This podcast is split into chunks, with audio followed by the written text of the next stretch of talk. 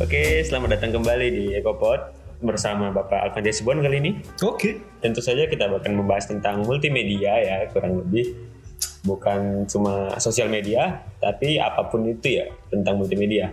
Oh. Kayak yang kemarin kita udah pernah bahas fotografi, segitiga exposure, terus bahas apa lagi kemarin? Um, Eh, tren desain, saya Nah, kayak gitu kayak ya. terakhir gitu. sama saya trend design ya. Nah, pada episode kali ini kita bakal membahas tentang UI dalam pemrograman gitu kan. Yo. Karena pemrograman itu nggak mulu-mulu tentang kode-kode gitu. Pasti juga ada tampilannya, juga ada desainnya gitu kan. Ya pasti dong. Nah, kan setiap program itu isinya nggak cuma coding dan UX gitu Hmm. user experience tentu juga ada user interface-nya yang mana user interface yang berarti apa pak Apa? Oh, udah siap. UI. Itu, itu belum open ya? oh iya ini open Open ya? UI itu UI itu tampilan visual. nah yang pertama kali orang lihat Yoi. oke kurang lebih kita bahas tentang UI dalam pemrograman ini oke Oke.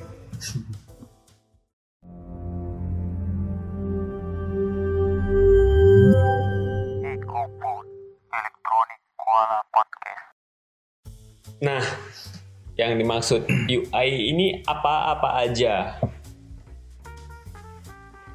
Menurut aku, ya enggak sih sebenarnya yang sebenarnya yang sebenarnya itu UI itu lebih ke maju lagi pak nggak dengar Pak. Oh, sorry sorry. Biasa.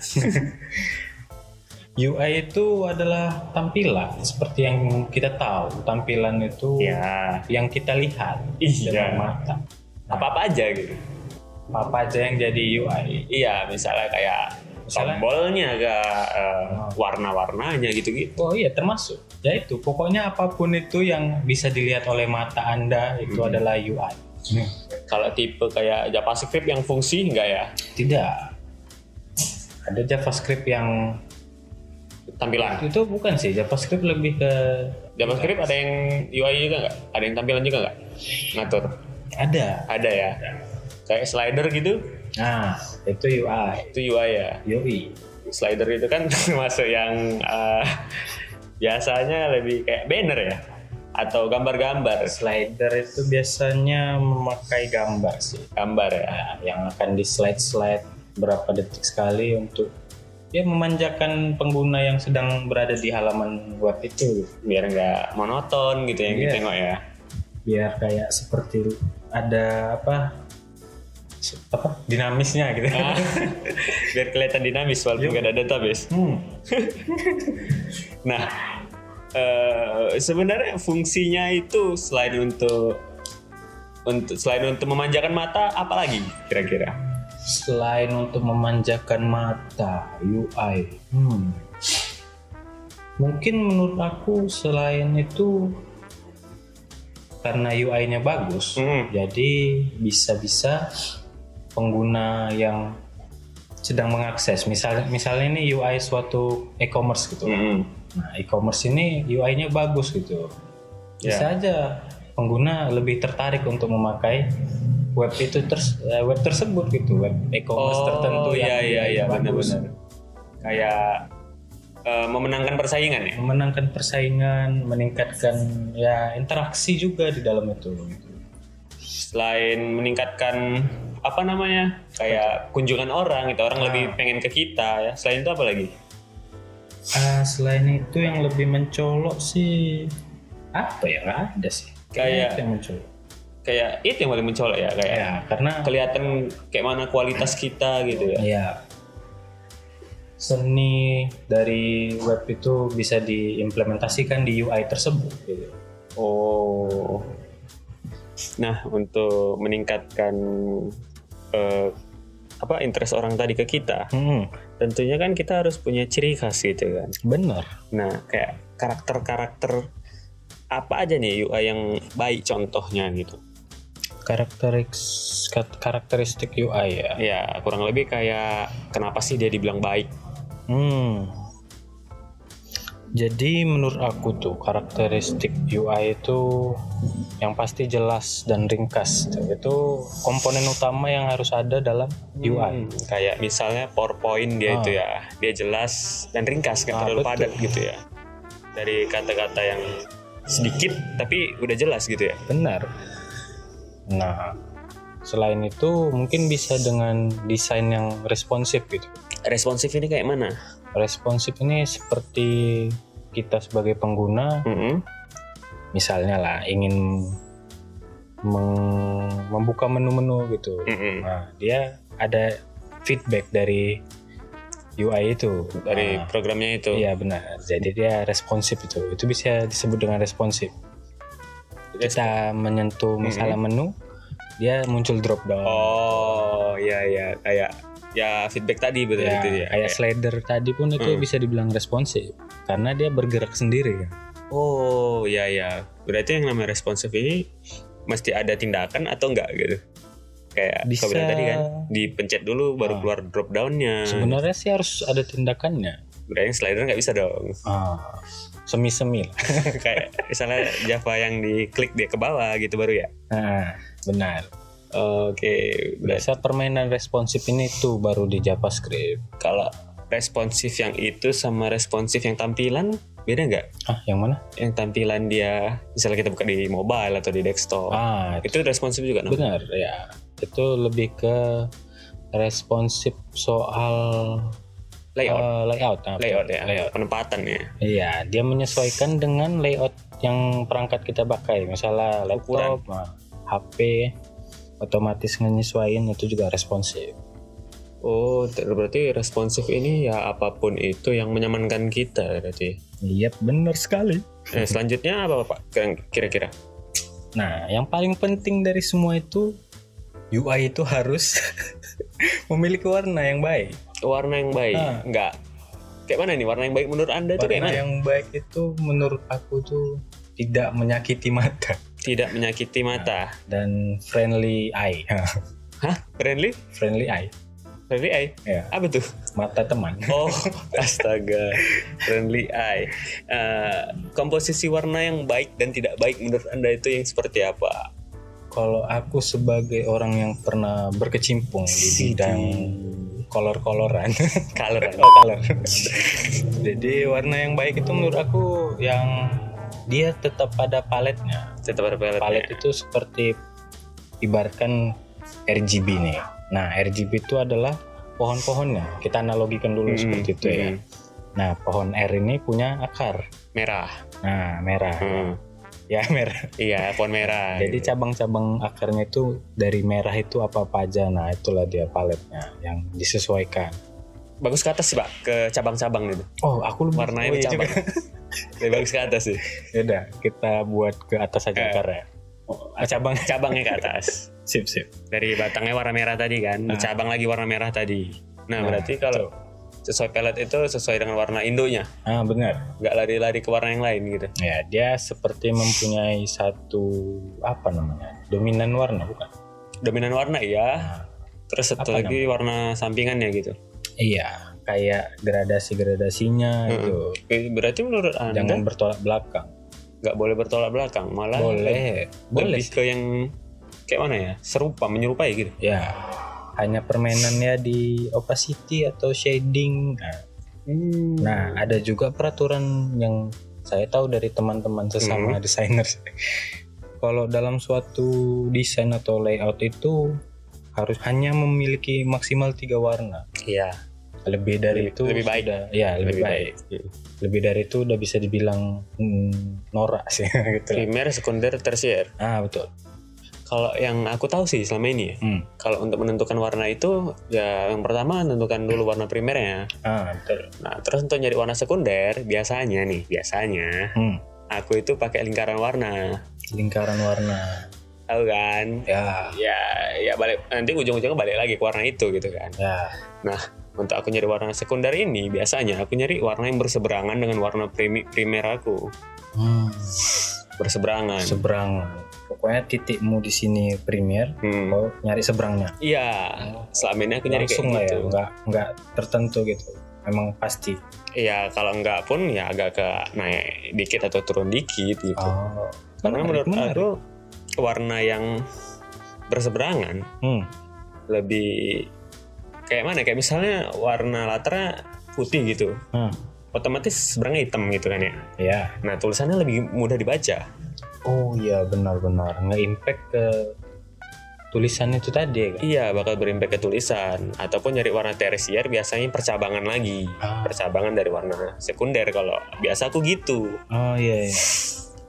kalau yang serupa tadi boleh lah kayak misalnya list-list warna warna gradiennya gitu ya Hmm. nah itu kalau nyari gradien mungkin tampilan warna yang tidak menyakitkan mata betul itulah Selain- komposisi warna yang Hmm. baik nggak terlalu gimana ya kontrasnya nggak berlebihan gitu ya iya kayaknya lebih soft lah gitu menurut aku ya lebih suka yang soft gitu ya Eh, aku pribadi yang suka yang warna soft gitu Hmm, boleh boleh boleh nah selain dari warna perpaduan warna tadi Hmm. terus desain yang responsif sama isi yang padat dan jelas gitu ada lagi nggak kira-kira apalagi ya atau mungkin kurang lebih cuma inilah kayak contoh desain UI yang baik oh sa- ada ada sih terakhir nih. apa tuh dia mm, tampilan UI itu yang intuitif intuitif ini gimana coba aku agak-agak kurang ngerti kalau di intuitif UI itu gitu. kalau kita artikan seperti intuisi misalnya iya misalnya suatu produk yang ada Mhm. misalnya di web kita punya produk Hmm, kita ini ngapain Mhm. misalnya menjual peralatan-peralatan fotografi oke UI yang intuitif itu dia bakal si desainer atau si UI ers ini, Ah. desainnya eh, eh, apa webnya namanya? Nah, kenapa dia bakal ngerti mau ngedesain UI yang kayak mana. Nah, dia punya intuisi untuk membuat desain UI yang akan nyambung sama tentang fotografinya. Oh, Gitu. desain. Oh ya, desainnya eh, sejiwa dengan apa yang mau ditawarkan gitu. ya. Benar. Salah tentang makanan ya dia harus nge UI UIin makanan gitu. Hmm, benar-benar tampilannya kurang lebih kayak kayak bikin kita lapar gitu ya. Ah. Kayak misalnya warna merah Ah. atau warna orange gitu Benar. yang biasa dipakai untuk produk-produk makanan gitu ya. Benar sekali. Menurut Anda gitu, Apalagi? eh masih yang tampilan tadi yang intuit intuitif itu Nah, itu kita yang seharusnya pandai-pandai untuk mencari kombinasi hmm, atau memang biasanya udah memang ini gitu matchingnya. hmm. Kalau menurut aku sih memang harus tingkat kreatif dari seorang desainer itu sekreatif apa dia, sepandi-pandi apa dia membuat Hmm. desain yang intuitif untuk menjurus ke apa yang dia inginkan. gitu. Lebih Berarti- menarik seperti itu sih. Kalau dibilang kreatif, Hmm. setiap desain dia tuh harus ada inovasinya. Benar. Nggak boleh kayak misalnya aku pernah buat ini nih, terus nanti untuk produk selanjutnya, untuk klien selanjutnya aku pakai lagi nih, nggak boleh gitu. Eh, bukan nggak boleh sih. Lebih tepatnya dia tidak mau berkembang.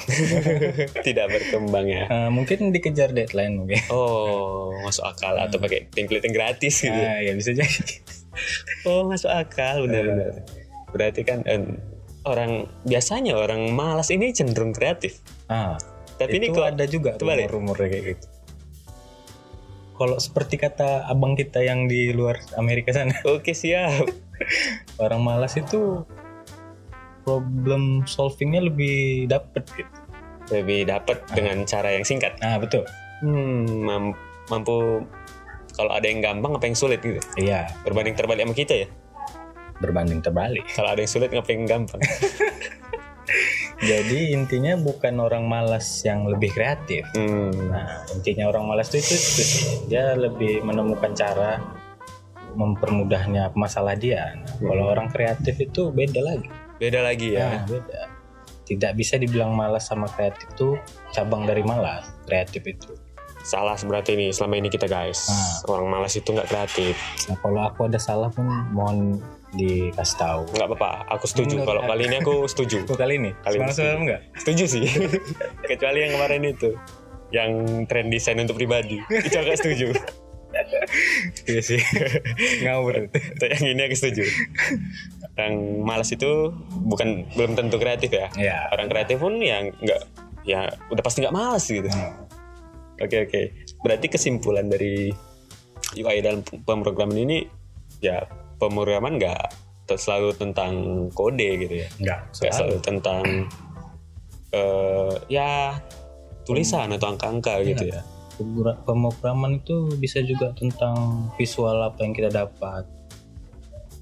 Itu ada ombak. Yang mana? Udah lupa. Iya. ya ya udahlah mungkin eh, untuk kesimpulannya ya UI itu Ah, dalam pemrograman ya ya dalam pemrograman ini juga ada desainnya gitu ya Iya, nggak membosankan Ya, nggak melulu tentang coding. Gitu. Ya. Hmm. kalau misalnya dibilang programmer juga ada yang khusus UI-nya bener nggak Bener dong. bener berarti memang ada jurusannya lagi Ada. Eh bukan jurusannya Pen- lagi. ya Cabangnya. cabangnya lagi Jadi programmer tuh ada yang mengurus bagian UI. sendiri Bisa sendiri, bisa tim. nggak maksudnya kayak emang ada eh, divisi khusus gitu Oh iyalah. oh, oh. Biasa itu disering disebut dengan front end. Jadi garda depan. Betul betul front end. Mungkin barangkali episode selanjutnya kita bahas tentang back end kali ya Ah, atau boleh. UX juga ya. UX itu ya itu dia. Back end. Hmm, boleh boleh. Oke lah, mungkin untuk episode kali ini kita sampai sini aja kali ya. Wah cepet kali. Oh, mau tambah nih Oh enggak sih. biar kita terbiling. Yoi, nambah bilik. Iya. Biar nggak ada banyak tenenet tenenet yang tulisan eh tulisan wallpaper gambar lumba-lumba. Aduh, anak warnet sekali Anda. Enggak lah, itu udah udah zaman yang lalu-lalu itu. Oh iya. Oke lah, mungkin sampai sini aja kali ya. Ah, ya boleh lah. makasih udah ngasih apa tadi masukan, Masukan. atau saran-saran kayak ya orang malas itu belum tentu kreatif gitu. Benar. Oke lah makasih juga buat yang ngedengerin ya. Makasih makasih. ngedengeri bincang-bincang kita sampai saat ini. Deng- Makasih banget.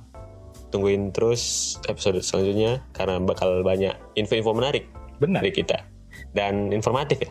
Yoi. Bukan cuma sekedar info yang udah umum gitu. Karena kan nggak semuanya bakal tahu Ya. Jadi listener juga akan menambah wawasannya tentang per IT-an. Oh tentu. Nah. Eh, pantengin terus kita di Koala ID ya. Atau Iya. mau promosi juga? Promosi apa? Boleh boleh. Promosi apa nih? Biasanya orang Akun bimbel. Oh, Eh ada. bimbel. apa? Bumble apa? Bumble. Bumble. Udah lah, nggak usah buka kartu. Kelas cukup sampai di sini. Bye peeps. Yo.